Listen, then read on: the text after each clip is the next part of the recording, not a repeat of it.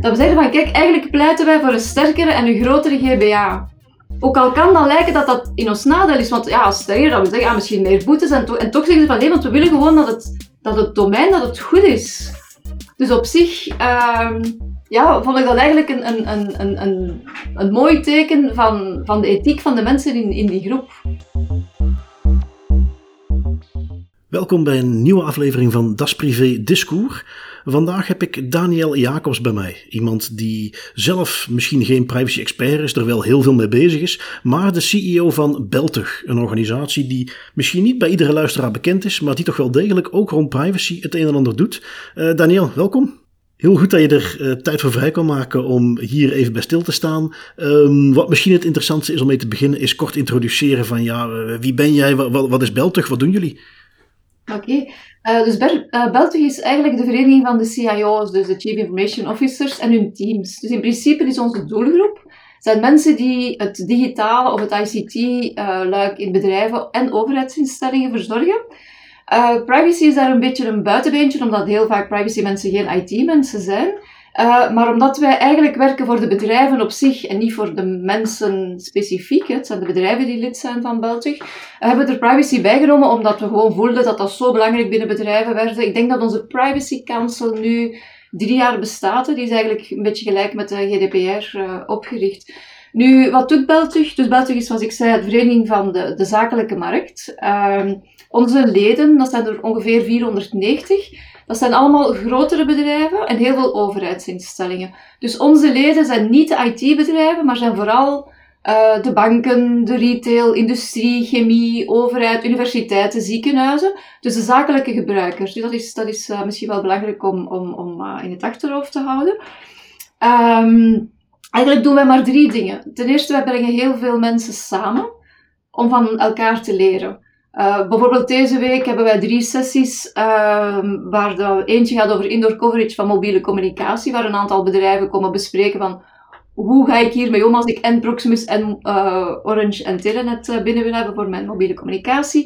We hebben morgen een sessie gelinkt met privacy rond het gebruik van, van WhatsApp en andere consumententools, die nu binnen bedrijven ook meer en meer hun intrede doen.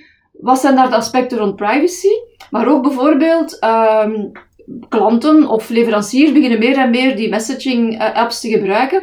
Hoe krijg je dat nog uh, opgevolgd in je IT-systeem?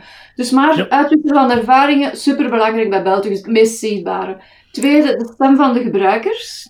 Uh, wij willen alle barrières die bedrijven tegenkomen in hun digitale strategie, willen we graag weg hebben. Dus we hebben heel veel uh, relaties met het kabinet, kabinet van uh, Mathieu Michel om rond privacy bijvoorbeeld de zaken aan te kaarten die, die bij horen bij de leden. Het derde stukje komt ook nog later rond privacy uh, verder, is pragmatisch samenwerken. We zijn heel pragmatisch. We zijn een, een, een, een vereniging die echt heel graag wil uh, de leden concreet helpen. Dus leg al die, die kennis bij elkaar en maak daar iets van. Maar ik, ik heb daar een paar concrete voorbeeldjes in de context van, uh, van privacy voor. Oké. Uh, ja, het meest bekende voorbeeld van wat jullie dan doen rond privacy, die ik ook al vaak heb gehoord, is de Beltug Privacy Council. Wat moet ik me daarbij voorstellen? Hoe, hoe pakken jullie dat aan? Wel, zoals ik daarnet zei, dus de, de hoofdmissie is eigenlijk mensen bij elkaar brengen om van elkaar te leren. En uh, de Privacy Council is gestart waar ik dacht een jaar of drie geleden, ja, misschien 10, 12 bedrijven die wat geïnteresseerd zijn om rond privacy een aantal dingetjes uit te wisselen. Er zijn dan nu 70 privacy specialisten van heel uiteenlopende uh, achtergrond eigenlijk. Wel altijd grotere bedrijven, dat, dat wel. Uh, en, en overheidsinstellingen. En die komen om de zes weken samen uh, om voor een stukje ervaringen uit te wisselen, maar ook veel van hoe kunnen wij nu samen, bijvoorbeeld, er is nu een evaluatie van de, de Belgische privacywet aan de gang, dus wij hebben de kennis van die mensen gebruikt om een mooie brief te schrijven naar Mathieu Michel met al onze, met al onze bekommernissen. Maar dat is een, een groep met, met specialisten die eigenlijk proberen zoveel mogelijk samen aan hun kennis te werken. En wat zijn een aantal uh, aansprekende namen die bijvoorbeeld lid zijn, die onderdeel uitmaken van die Privacy Council? Dat zijn er heel veel. Hè. Dus dat, dat gaat van, van een UCB over een AGFA, over een aantal universiteiten. Dat zijn uh, ja, echt wel allemaal ronkende namen die. Uh, ja, ja, ja. En dat is dus goed, die komen bij elkaar. Maar in die zin bieden jullie eigenlijk ook een platform om daar vervolgens ergens mee terecht te komen. Je noemt al het kabinet van uh, Michel rond privacy. Dus dat is ook wel echt iets waar op die manier die verschillende bedrijven een stem krijgen op dat niveau. Ja, dat is, dat is eigenlijk de bedoeling. Hè. Dus dat past dan in het tweede stukje van onze missie, van die stem van de zakelijke gebruikers. En dus het kabinet van Mathieu Michel is in deze context natuurlijk het meest relevante, omdat die, uh, dat, dat, dat over privacy gaat. Maar we hebben bijvoorbeeld ook nu net een, een meeting opgezet in september uh, met de GBA zelf, om te kijken van hoe kunnen we nu samenwerken vanuit, uh, vanuit de bedrijfscontext. Uh, de voorzitter van, van de privacycommissie, de GBA, David Stevens, is ook al een aantal keren in de privacycommissie, sorry, in onze privacy council aanwezig geweest. Ook iemand van het kabinet trouwens, of iemand van de VTC. Dus we willen ook die dialoog met de overheden aanhouden. En als je bijvoorbeeld die afstemming met David Stevens of, of de gegevensbeschermingsautoriteit kunt doen, wat moet ik me daarbij voorstellen? Zijn dat vragen die dan vervolgens vanuit die bedrijven komen, waarin men zegt, ja, hoe moeten we hier nu mee omgaan? Of eh, bezorgdheden jullie kunnen uit? Of wat, wat voor soort afstemming kun je daarmee hebben? Wel, wij proberen eigenlijk vanuit, vanuit uh, de ervaringen die die, die DPO's uh, en juristen die bij ons zitten ervaren, om dat over te brengen naar de GBA van kijk, waar is de struggle in, in, in het echte leven. uh, omdat we wel belangrijk vinden dat zij dat, dat zij dat weten, dat zij niet in hun ivoren toren zitten, maar dat zij echt horen van, uit de praktijk van waar dat het, waar dat het anders kan of, of beter kan, of, of, of wat een, reactie is op beslissingen die, die zij nemen. En ik denk dat dat ook wel geapprecieerd wordt van, van hun kant uit. Uh, getuigen daarvan dat er nu weer een nieuwe meeting komt uh, in september. Ja, en dat is dus iets waar uiteindelijk, want dat is iets wat je vaak nog wel eens misschien wat, wat, wat mist als je over de GBA hoort komen, dat men daar spreekt over van ja, die, die bekijken het vanuit de Ivoren Toren, maar er zijn dus toch bepaalde uh, samenwerkingsverbanden die ze proberen aan te gaan, bijvoorbeeld met jullie, uh, om, om die praktische kant ook wel mee te krijgen. Dat vind ik toch belangrijk om dat af en toe ook eens te benoemen. Ja, ik, ik, allee, ik heb toch het gevoel van, van oké, okay, ze, ze zijn nog, nog jong hè, en uh, allee, ze hebben ook, ook heel veel uitdagingen voor een, een, een toch vrij beperkte ploeg. Maar ik heb wel het gevoel dat ze naar buiten meer en meer willen komen. Ze hebben daar ook hun boost-programma, waar het toch net de bedoeling is om, om in eerste instantie KMO's, maar bon, de problematiek is voor KMO's en grote bedrijven hetzelfde, alleen is de schaal natuurlijk anders. Dus uh, zij staan daar wel voor open om, om, om te luisteren naar wat, wat er gebeurt. Hoe ver dat we daarin kunnen gaan, dat is iets anders. Zij kunnen natuurlijk niet, allee, en zij hoeven ook niet, niet te beantwoorden aan al wat dat wij vragen, maar het is gewoon goed dat die dialoog, uh, dat die dialoog er is. Ja, absoluut. Uh, hebben jullie nog andere samenwerkingsverbanden in die context, buiten de contacten met de GBA? Wel, uh, wat dat wij proberen te doen, dus, uh, is heel veel samenwerken tussen de mensen van de Privacy Council. En bijvoorbeeld in, in de, vorige afleveringen van, van Das zal dat ook al aan bod zijn gekomen. De rol van de DPO, daar is heel veel om te doen. En dan zeggen die mensen die bij ons zitten, ja maar kijk, wij zijn eigenlijk ook nog vrij nieuw in die functie. En ons management vraagt van, ja, doen wij te veel, doen wij te weinig? Er is totaal geen informatie over hoe doen wij dat nu eigenlijk? En dus wat hebben we nu beslist? Uh, we zijn bezig met een benchmark te maken voor de DPO's uh, van grotere bedrijven. Uh, dat is een, een, een, studie die we nu samen aan het maken zijn met Deloitte. de vragenlijst is klaar. We gaan daarvoor de specialisten van de, de Privacy Council interviewen. Dus het is niet de bedoeling om heel de Belgische markt te gaan interviewen, maar die gerichte groep van, het zijn tenslotte 70 mensen en die willen ook allemaal meewerken. Met dan de bedoeling om in het uh, najaar echt een benchmark te hebben voor de Belgische DPO's en die Belgische bedrijven, want het gaat eigenlijk verder dan die rol van de DPO over hoeveel, hoeveel mensen zijn daarmee bezig, hoeveel tijd besteden zij, wat hebben ze al gedaan en dergelijke. Dus dat zijn echt heel, ja, dat is dat pragmatisme waar ik daar straks uh, het over had. Iets wat dat we ook gedaan hebben, en daar hebben we echt heel fijne reacties op gehad. Als wij elk jaar, als wij vragen naar de, prioriteiten van de, van de bedrijven, uh, om te weten waar, wat we zelf op onze agenda moeten zetten, krijgen we telkens opnieuw de vraag security awareness, privacy awareness. Dat staat altijd helemaal van boven. Maar dan zeggen die bedrijven bij ons, ja, privacy awareness, maar hoe begin je daaraan? Hoeveel opleiding moet je geven? Aan, aan welk soort profiel? Iemand die marketing doet, die heeft een andere opleiding nodig, andere informatie, dan iemand van het topmanagement of iemand van HR. En dus wat hebben we gedaan? 16 bedrijven uit onze privacy council zijn, zijn gaan samenzitten en die hebben allemaal hun best practices, dus hun ervaring gewoon gedeeld. En daar hebben wij dan een soort grootste gemene deler uit gehaald. Uh, dus dat zijn al twee zaken die bestaan. We hebben ook een, een vragenlijst gemaakt. Welke vragen moet je stellen aan je cloud provider om te zien of die uh, GDPR compliant is? En dat eindigt niet, want we hebben dus nu, zoals ik daarnet zei, de DPO-benchmark die eraan komt. En een ander mini-initiatiefje, maar dan denk ik van, waarom bestaat dat gewoon nog niet na drie jaar? Uh, is we gaan voor het doorsnee bedrijf, dus altijd de grootste gemene deler die wij proberen te tackelen.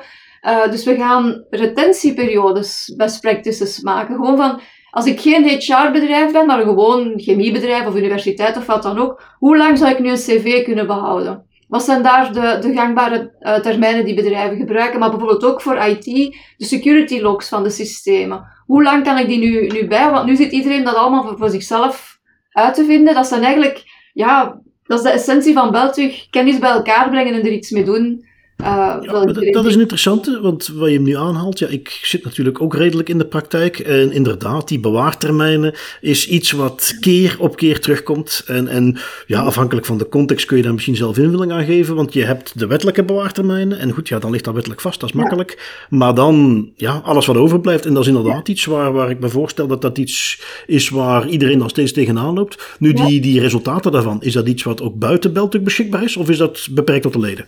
Uh, normaal gezien maken we natuurlijk zaken voor onze leden. Hè. Hmm. Maar we zijn nogal goed, dus als mensen dat vriendelijk vragen, dan uh, Oké, oké, oké. Maar ik moet zeggen, meestal als mensen zien wat dat wij doen, dan, dan ja, is de stap ook niet zo groot. Uh, is dat trouwens qua lidmaatschap, kan iedereen lid worden? Of is dat beperkt tot een bepaald type bedrijven?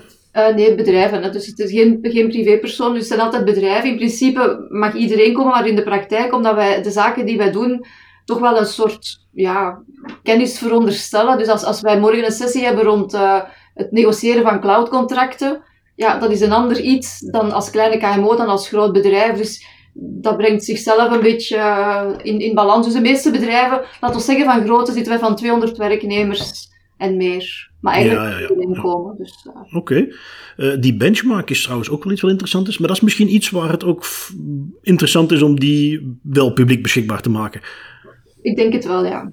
Ja, ja, ja oké. Okay. We gaan het overwegen. Of misschien een mini-versie dat we zeggen van kijk, voor iedereen de benchmark, de hoofdregels en dan de, de mensen die eraan hebben meegewerkt. Of de Beltugleden zouden dan misschien een, een, een, een diepere, uh, dieper informatiepakket kunnen krijgen. Ja, het, is iets, ja, je zegt zelf al vreemd dat dat er nog niet was, maar dat is iets wat we misschien op, op meerdere plekken zien. Hè. Die GDPR, ja, die privacywetgeving daarvoor, die was er al veel langer, maar die GDPR is relatief nieuw met drie jaar. En met boetes en met dat daar ineens naar gekeken wordt, is dat toch iets wat nu pas echt op gang begint te komen. Dus in die zin zijn jullie er denk ik op tijd bij eh, om in 2016 al opgestart te zijn en dat je nu met die dingen kunt komen. Want dat is wel iets waar ja, echt vraag naar is er is nog echt een gigantische, gigantische weg te gaan. En het eindigt ook niet, want nu met het hele Schrems 2-verhaal, Tof van Justitie spreekt zich dan uit midden 2020. Oké, er is een probleem met, uh, ja, we zullen het makkelijk maken met uh, Amerikaanse providers. En dan ineens, ja, dat gaat dan in en iedereen zit met een probleem. We hebben een marktstudie gedaan van, van niet alleen de Belgisch maar wel de grotere bedrijven, de Belgische bedrijven. Mhm. En dan zie je 89% werkt met uh, O365 en Teams, dus het Microsoft-verhaal. Ja. En dan? Kom je niet buiten, omdat er een, een Schrems 2 uh, arrest is. Hè? Dus uh, dan zit iedereen daar zo heel oncomfortabel van. Ja, we weten dat het niet helemaal oké is. En dat gaat niet alleen over Microsoft, dat gaat ook over al ja, heel veel producten. Hè? We hebben net vorige week nog een sessie gedaan, dus wat we noemen een debate room, waar we eigenlijk heel de problematiek van de spanning tussen privacywetgeving aan de ene kant en de business die verder wil anderzijds. En dan zeggen die mensen, ja, wat moeten we nu gaan doen? Allemaal producten op blacklist gaan zetten, van ah, je mag niet dit en dat en dat en dat gebruiken, maar er is vaak geen alternatief. Dus wat doe je dan? Ah, je weet dat je ergens ja, niet, niet in, in orde bent. Maar je kan ook wettelijk niet in orde zijn, want er is ergens geen transitie duidelijkheid. Er komen nu wel een aantal zaken, maar het is, het is echt, echt bijzonder, bijzonder vervelend. En dat is eigenlijk hetgeen dat ik heel graag wou vertellen vandaag. Uh, ik wil echt heel graag getuigen van het spanningsveld dat er nu meer en meer is binnen bedrijven rond het privacy-stuk en wat dat dan noemen de business. En dat is echt heel vervelend voor de DPO's. Want die worden zo'n beetje gezien als, ja, als de politiemensen. Zo van, ja, kijk, dat mag niet en dat mag niet. En ik wil hier met mijn marketing een grote actie doen. En ik wil alles gaan halen van LinkedIn of van andere sociale media. En dan zegt mijn BPO, nee, dat mag niet. Uh, en dat is heel vervelend voor het bedrijf, want je kan niet vooruit, want je wil wel allee, goede of, of, of uh, nieuwe dig digitale technologie gaan gebruiken. En dat is ook heel vervelend voor die DPO's, want die vinden dat ook niet fijn om uh, ja, de showstopper daar, daar te zijn. Hè? En, en, en, waar zit het dan in volgens jou? Ik zal kaderen waar die vraag van, voor mij vandaan komt. Ik merk vaak dat ik als, in mijn rol als DPO moet goed uitleggen waarom iets niet kan, waar komt dat vandaan, of moet zeggen van hoe kunnen we het wel gaan doen. Zie je dat daar uh, iets in zit van ja, die GDPR beperkt ons te veel, of zie je daarin dat er misschien een, een, een gat is tussen de kennis van oké, zo moet je toepassen, zo kun je er wel mee omgaan. Ik heb natuurlijk zelf een mening over, maar ik ben even benieuwd wat jij ervan vindt. Dus er zijn drie zaken. Dus wat jij zegt van de, de kennis, vandaar mijn eerder betoog van die, die, die opleiding, die awareness en zo, dus daar is echt nog een heel lange weg te gaan. Ook omdat het, het is ook niet makkelijk is. Dus, dus je hebt dat stuk van de kennis binnen bedrijven, de overtuiging van, kijk, als we goed bezig zijn om de privacy, de, de, de, persoonsgegevens te beschermen, dat is belangrijk. Allee, daar moet het bedrijf van, van, van, van doordrongen zijn. Dat is één zaak. En dan was er al het probleem dat je dus, uh, je hebt de GDPR, maar dat was maar een begin. Je hebt dan al die verschillende interpretaties van de verschillende uh, GBA's. En dan heb je nog eens de verschillende nationale wetgevingen. Dus heel veel van onze bedrijven, ik denk bij België is dat, omdat natuurlijk de grotere zijn, iets van een 55 à 60 procent die internationaal werken. Dat is heel moeilijk, hè, omdat je dan nog per land andere, andere zaken moet gaan implementeren. En je zit met juridische teksten, maar die je wel moet verhalen in een, in, vertalen in een, in een concrete IT-omgeving. En ja, je kan het zo interpreteren en je kan het zo interpreteren. Ja, in je systeem kun je niet interpreteren. Hè. Het is zo of, of, of, het is niet zo. Dus het was al wat moeilijk, maar oké, dat, was, dat was te doen. Maar nu met het Shams 2 verhaal is het echt in een stroomversnelling gekomen.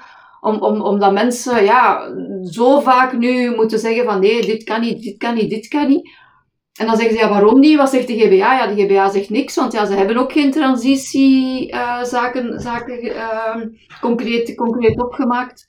Eh, nee, en daar zie ik ook vaak dat men wel moeite heeft om die vertaalslag te maken tussen, ja, je hebt een Europees Hof en die moeten vanuit een soort theoretische werkelijkheid, moeten die zeggen, oké, wij zien hier problemen. En wij kunnen voor jullie best verantwoordelijke, best bedrijf geen afweging gaan maken, dat moeten jullie zelf doen. Wij zeggen gewoon, hier is een probleem. En dan die vertaalslag gaan maken als bedrijf en dan in toch wat niet altijd makkelijke materie is, maar vrij complexe materie, zelf dan gaan kijken, oké, in onze context, hoe moeten we dat dan toepassen? Ja, dat is waar ik vaak inderdaad de uitdaging zie.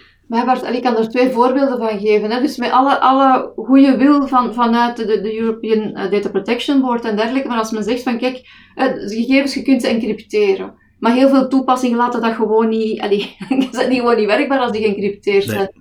Je moet nu ook de, de, de ja, soort, uh, hoe zeg je dat in Nederlands, een assessment, een, een, een evaluatie maken hè, van, de, van de niet-Europese landen hoe kun je nu als individueel bedrijf, dan mag je nog een heel groot bedrijf zijn, maar je kan niet zeggen van, ah, hoe zit dat met Indië en Rusland? En dat gaat gewoon niet. Dus daar zeg je van, dan moeten de schaaleffecten spelen. Geef ons daar alsjeblieft concrete guidance vanuit het liefst het Europees kader of anders vanuit het Belgisch kader. Het is gewoon niet haalbaar. Hè? Je kan niet volgen als individueel bedrijf wat er, wat er in de wereld gebeurt. Hè?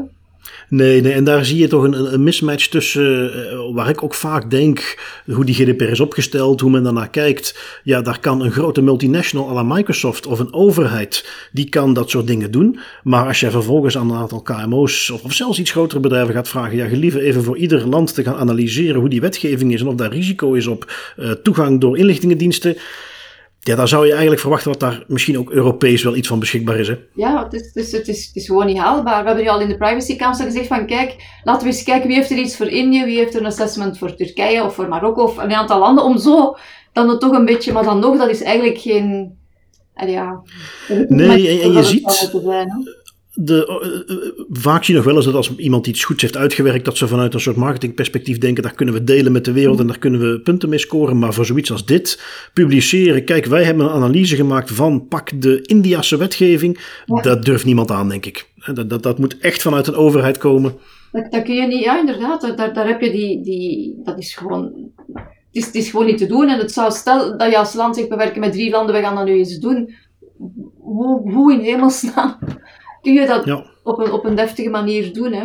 Die dan aanvaard wordt. En, en, goed, dat is een oefening die we uiteindelijk ook op meerdere vlakken al eens tegenkomen. Uh, drie jaar GDPR. Als we kijken naar 20, 25 jaar dat we Google, Facebook, Microsoft hebben zien opkomen, alles digitaal is gegaan. Dat gaat nog even duren voor dat gat tussen de soms wat theoretische context van de GDPR en hoe moeten we daar nu praktisch mee omgaan voordat dat wat is opgevuld. Maar goed, dat is dan iets waar uh, in een, een, Privacy Council, DPO's, dat is iets wat ik graag hoor eigenlijk, waar men daar in ieder geval samen kan komen en kan bespreken, oké, hoe gaan jullie daarmee om? En dan op die manier proberen een, een, weg te vinden om daar praktisch mee om te gaan. Soms hebben we ook een beetje een zelfhulpgroep. waar af en toe DPO's ook hun frustraties kunnen uiten misschien. Um, nu, je gaf al aan dat dat, spanningsveld uh, tussen de DPO en de business, is dat iets, ja eigenlijk hebben we het net al een beetje benoemd, dat komt dan ook aan bod in die Privacy Council. Hoe ervaren die DPO's dat? Of, of meer de juristen die er ook mee te maken hebben? Is dat iets waar ze... Ja. Het is, het is, net omdat we het zo ondervinden en dan, ik krijg dan ook de input van, vanuit die andere kant van het bedrijf, dus van de niet-DPO's, die ook zeggen, ja, maar ja, ik wil hier, uh, ik weet niet waarom, marketing doen en, en ik, ik, stel dat product voor, dat mag niet. Ik stel iets anders voor, dat mag ook niet. Van, ja, zo kan ik niet werken. Dus ik, ik snap de, de twee kanten, hè. Maar uh, het, is, het, is, het is wel voor een stuk blokkerend nu. En dat is, dat is niet meer gezond. Ja. Um, je gaf ook al eens aan dat jullie wat contact hebben met de GBA en dat daar misschien ook in de kader van die evaluatie van die GDPR uh, wat uh, adviezen zijn over de manier hoe zij hun werking kunnen verbeteren. Heb je daar wat voorbeelden van, uh, dingen die jullie recent hebben aangegeven? Ja, dus het, het, het eerste is, is dat we heel graag, dat sluit aan bij wat we daarnet hebben gezegd, is, is echt in, in een, een, een nog dieper overleg gaan, net om die zaken waar, waar bedrijven zelf zaken moeten uitvinden, om te zeggen van waarom kan voor de meest voor... Allee, neem terug het, voorbeeld van, van Microsoft, omdat het door zoveel bedrijven gebruikt wordt. Het zou makkelijker zijn, moest, moest daar vanuit de GBA een bepaalde richtlijn komen, dan dat iedereen dat voor zich nu zegt van welk risico wil ik nemen, wat, wat wil ik niet nemen, want je, je, je wil daar ook niet vanaf, want dat zijn op zich, is, is, is, is die software heel, heel sterk. Um, dus dat is iets, um, een, een, ander verhaal dat we ook meer en meer horen aan de Vlaamse kant, is, is uh, de, Ehm, de beslissing of het advies dat de VTC, de Vlaamse Toezichtscommissie, heeft gemaakt rond uh, uh, beheer van gegevens van studenten die dan op eh, AWS-infrastructuur stond, dat heeft ook een, een, een soort schokgolf met zich meegebracht omdat dat is natuurlijk een, een, een advies in, in een context van een specifieke toepassing. Maar alle Vlaamse overheden zeggen van ja, maar als dat voor die toepassing geldt, ja, dan gaat dat voor andere toepassingen ook gelden. En dan krijg je de bedrijven die zeggen, maar wacht, als overheden daaraan moeten voldoen, ja, dan gaat dat naar ons ook komen. En dan zeg je, maar wacht, hoe verhoudt zich nu de relatie tussen wat VTC zegt en wat GBA zegt? Dat is ook heel onduidelijk. Hè? Dus hoe... Ja, dan het, het, het Europese kader er, er, ook nog bij dan. Hè? Dus wij, wij spreken heel veel, omdat natuurlijk, ja, België is maar België. Um, dus wij spreken heel veel met onze zusters CIO-verenigingen Nederland, Frankrijk en Duitsland. Dus wij doen ook heel veel input naar de Europese Commissie gezamenlijk. Die problemen zijn overal dezelfde. Hè? En dan zie je toch van, ja, de kniel in Frankrijk zegt A en dan in een ander land zeggen ze B. Wat doe je dan in, als, als, eh, als bedrijf als je in die verschillende landen uh, aanwezig bent? Hè? En, en dat is dan toch iets, maar natuurlijk ook omdat jullie een aantal overheidsorganisaties tot de leden hebben, waar die VTC dan om de hoek komt kijken. Iets wat overigens misschien voor de luisteraars ook interessant, dat wij daar in België een beetje afwijken van de norm, waar je bijvoorbeeld in Duitsland per deelstaat heb je een, een gegevensbeschermingsautoriteit, maar die hebben dan ook binnen hun, hun deelstaat de, de macht om wat dingen te beslissen. In België hebben we aan de ene kant de GBA, federaal, Belgisch, en dan daaronder de VTC, die in die vorm niet bestaat in de andere gewesten, uh, maar die ook bepaalde dingen mag beslissen. Daarnaast, ja, dat is, uh...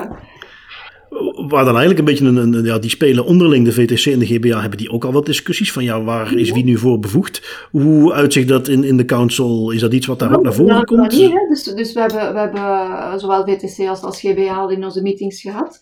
En, en voor bedrijven zeg van ja, kijk, zeg ons gewoon hoe het moet en zeg niet aan de ene kant iets en aan de andere kant iets anders duidelijkheid is eigenlijk is de essentie van heel ons verhaal van duidelijkheid, duidelijkheid, duidelijkheid. En dat is nu in het geval van GDPR zo. Uh, ondertussen is er een consultatie gaande rond uh, de regulation uh, voor AI. Regulation is eigenlijk weer, zoals bij de GDPR, een, een, verordening die in alle landen samen zou, zou geldig worden. En we zouden echt niet willen dat de, de manier van werken die we nu, dus de het, positieve van oké, AI, daar komen heel veel risico's bij, te zien. Dus dat dat geregeld wordt en dat dat ethisch in orde moet zijn, absoluut voorstander van, hè, 100%, net zoals voor GDPR. Het principe dat gegevens beschermd moeten worden, daar kun je niet tegen zijn, dat is in principe een, een heel goed principe.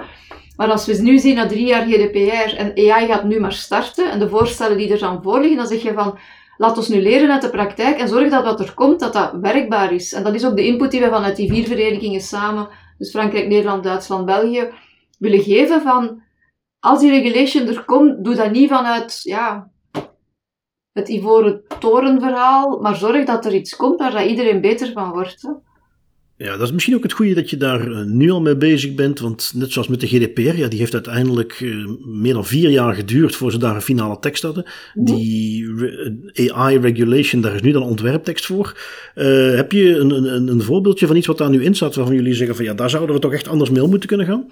Wel, het, het, het, het, het, het idee dat ik kreeg als ik de tekst las, mm -hmm. van oh, dit is iets dat een beetje gedoemd is, zoals de tekst nu is, is natuurlijk nog maar een algemene consultatie, om ook dat conflict te krijgen tussen wat dat juridisch gaat uh, opgesteld worden en hoe dat, dat dan bij onze praktijkmensen over een aantal jaar gaat, uh, gaat landen.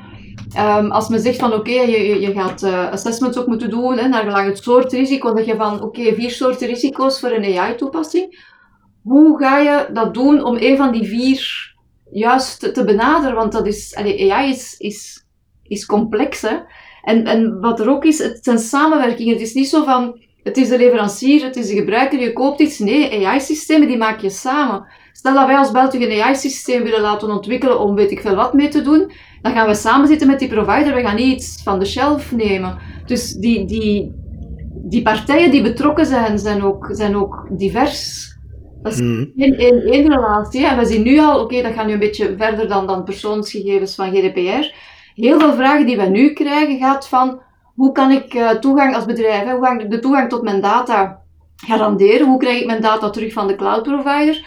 Uh, ik heb nu toevallig de laatste maand vier bedrijven die bezig zijn met AI, die nogthans heel goed weten waar ze mee bezig zijn, die een contract hebben gemaakt.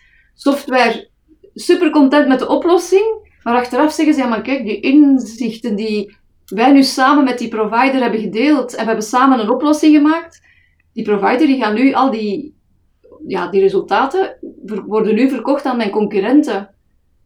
Dat was nu eigenlijk ook niet de bedoeling. Dus dat is niet wat, dat is nog niet matuur. Dus we komen in een heel andere wereld uh, terecht. En dat brengt me eigenlijk tot de essentie voor de toekomst voor de GBA.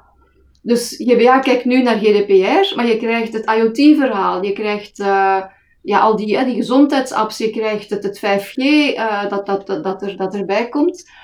je krijgt dan het, het AI-verhaal. Dus het privacy-aspect wordt alleen nog maar veel, veel belangrijker. En ik denk dat men echt zo proactief zou moeten zijn om die rol van de, de GBA's, maar ook op Europees niveau, om die ook open te trekken. Hè? Dat zij ook toekomstgericht kunnen ons, ons helpen, want uiteindelijk is die rol van al die privacycommissies, als ik ze zo mag noemen, wordt cruciaal voor onze economie. Hè? Dus zij zouden eigenlijk een soort bondgenoten moet, moeten zijn van ons om, om ons uh, ja, goed, uh, goed te kunnen helpen om die privacy van al die, die toekomstige en bestaande toepassingen, om die zo goed mogelijk te doen, maar op een manier die, die werkbaar is. En als ik dat nu wat, wat, samenvat, vooral ook omdat je veel meer kijk hebt op, op de praktijk, de, de bedrijven die ermee moeten werken. Um, je zou op twee manieren kunnen kijken naar wat we nu hebben gezien in een aantal jaar GDPR. Of dat moet veel pragmatischer, is veel te restrictief en, en daar moeten we aan werken. Of men moet misschien leren na twintig jaar een beetje de vrije kant te hebben gehad. Van ja, we doen nu een heleboel dingen die eigenlijk nooit hadden gekund en daar gaan we ons op moeten aanpassen. Welke van die twee ga je heen? Van, zeg je van ja, het moet eigenlijk meer pragmatischer, we moeten dat anders gaan interpreteren? Of van ja, nee, eh, heel veel dingen rond marketing en gegevensverzameling, die hebben we jarenlang gedaan op een manier die niet kon en daar zullen we dingen aan moeten passen. Ik ben volmondig mee eens, want er gebeuren dingen die eigenlijk die gewoon niet correct zijn. Dus daar, daar uh, ik, ik, ik ben echt geen pleidooi voor laat alles los en we willen geen regels. Helemaal niet, hè. Integendeel, want het is ook fair, want wat, wat dat nu jammer is, omdat het zo complex is, is dat je zegt van eigenlijk is het een beetje concurrentievervalsend. Wij dachten in het begin van, oh, dit is, uh, dit is goed, want je gaat eigenlijk vragen aan, bijvoorbeeld als je een, software binnenhaalt, je IT-leverancier, je gaat het, het, de GDPR-compliant zijn als een soort, als een voorwaarde zien, want ja, het is, het is sowieso, en je zegt van, ah, dat is eigenlijk goed voor de concurrentie, je krijgt een hoger niveau van gegevensbescherming door de GDPR. Uh, maar aan de andere kant, als ik dan de kant van de users neem, die dan zelf natuurlijk ook GDPR moeten toepassen en die dat ook goed willen doen, want al die 70 mensen die bij ons zitten, die mensen die doen niet anders en die willen hun job zo goed mogelijk doen om hun bedrijf allee, zo correct mogelijk in het moeilijke eh, landschap te laten werken. Um, maar dus ja, dat is... Uh, maar ik ben even mijn draad kwijt. Ja, dat spanningsveld hè, tussen aan de ene kant die pragmatiek om ermee om te gaan, aan de andere kant de wetenschap van ja, we hebben natuurlijk ook jarenlang dingen gedaan die ja, in ieder geval waarvan we ergens wel wisten, maar dat werd niet gehandhaafd, dat kan niet. En nu moeten we daar iets mee gaan doen. Nu, misschien dat we ook zien dat, dat dat gaat gewoon een aantal jaar duren. Je krijgt dat ook niet in drie jaar weggewerkt, die achterstand die je daar had. Nee, maar die achterstand die was er en de GDPR allee, heeft echt de, de grote verdiensten van de GDPR vind ik dat iedereen, elk bedrijf is nu wel bezig met privacy. Hè. Men weet hoe belangrijk dat het is, dus wat dat betreft 100% geslaagd. Uh, maar het is gewoon jammer dat het zo, ja, zo complex is moeten worden, uh, waardoor dat het een beetje concurrentievervalsend werkt, omdat bedrijven die het echt allemaal goed willen doen en die dan ook nog uh, legal advice en dan ja, de DPO, alles doen wat, wat dat moet, de privacy by design en dergelijke, of een ander bedrijf die er een beetje hun voeten aan vegen, Um, dus het, het, heeft een aantal, ja... Ja, en daar komen we bij een laatste puntje wat ik hoopte aan te stippen, handhaving. Je zult wellicht ook een aantal bedrijven bij Beltug hebben die misschien al slachtoffer zijn geweest van een stukje handhaving van de GBA, misschien zelfs een boete hebben gekregen. Um, hoe kijkt men daar tegenaan? Zit men dan, die handhaving, ja, dat, dat, dat zou eigenlijk strenger moeten, zodat iedereen op het gelijke speelveld zit? Oh, dat vind ik nu een heel toffe vraag, zo, want uh, uiteindelijk ik vond dat heel interessant toen we samen met de Privacy uh, Council onze brief voor uh, de evaluatie van, het, van de wet aan het schrijven waren. Dat we zeiden van, kijk, eigenlijk pleiten wij voor een sterkere en een grotere GBA. Ook al kan dan lijken dat dat in ons nadeel is, want ja, als sterker, dat we zeggen, misschien meer boetes. En, en toch zeggen ze van, nee, want we willen gewoon dat het, dat het domein, dat het goed is. Dus op zich, um, ja, vond ik dat eigenlijk een, een, een, een, een mooi teken van, van de ethiek van de mensen in, in die groep. Maar het is wel zo, nu ja, worden een beetje de voorbeelden uh, gesteld, ook omdat het nog, ja, drie jaar is echt niet lang, hè. Plus, zo'n zo'n orgaan op een andere manier laten werken en zo, het is ook niet, niet altijd evident voor, voor die mensen zelf, door de structuur waarin, waarin, ze, waarin ze moeten werken. En dus, uh, we hebben eigenlijk op zich geen, geen probleem met, met, uh, met een GBA die, die streng, streng maar rechtvaardig is. Ja, en dat is misschien een beetje ook eh, naar een conclusie toe. En, maar dat is wel iets wat ik uh, goed vond om te horen. Uh, goed, iedereen weet, we zijn er eigenlijk pas drie jaar mee bezig. Dat gaat nog wel even duren. En dan blijft dat spanningsveld bestaan tussen er praktisch mee om kunnen gaan en, en, en de wettelijke realiteit. Uh, maar bovenal dat ook die bedrijven die dan bij Beltug zitten, er wel degelijk achter staan dat dit nodig is, dat dat moet. Ook willen dat er een sterke GBA staat. Om ja. dat goed toe te passen, maar dan wel voor iedereen natuurlijk. Ja, voilà. Het, is, het, is, het moet, het moet, de, de lat moet voor iedereen op dezelfde op dezelfde hoogte liggen. En we zouden heel graag, ja, toch tot slot, uh, als conclusie, als er één conclusie is die, die ik kan als samenvatting gebruiken van de, de, de, het pragmatische, ook al is het een wettelijk kader, het moet wel toepasbaar zijn. En daar is echt nog een lange weg te gaan.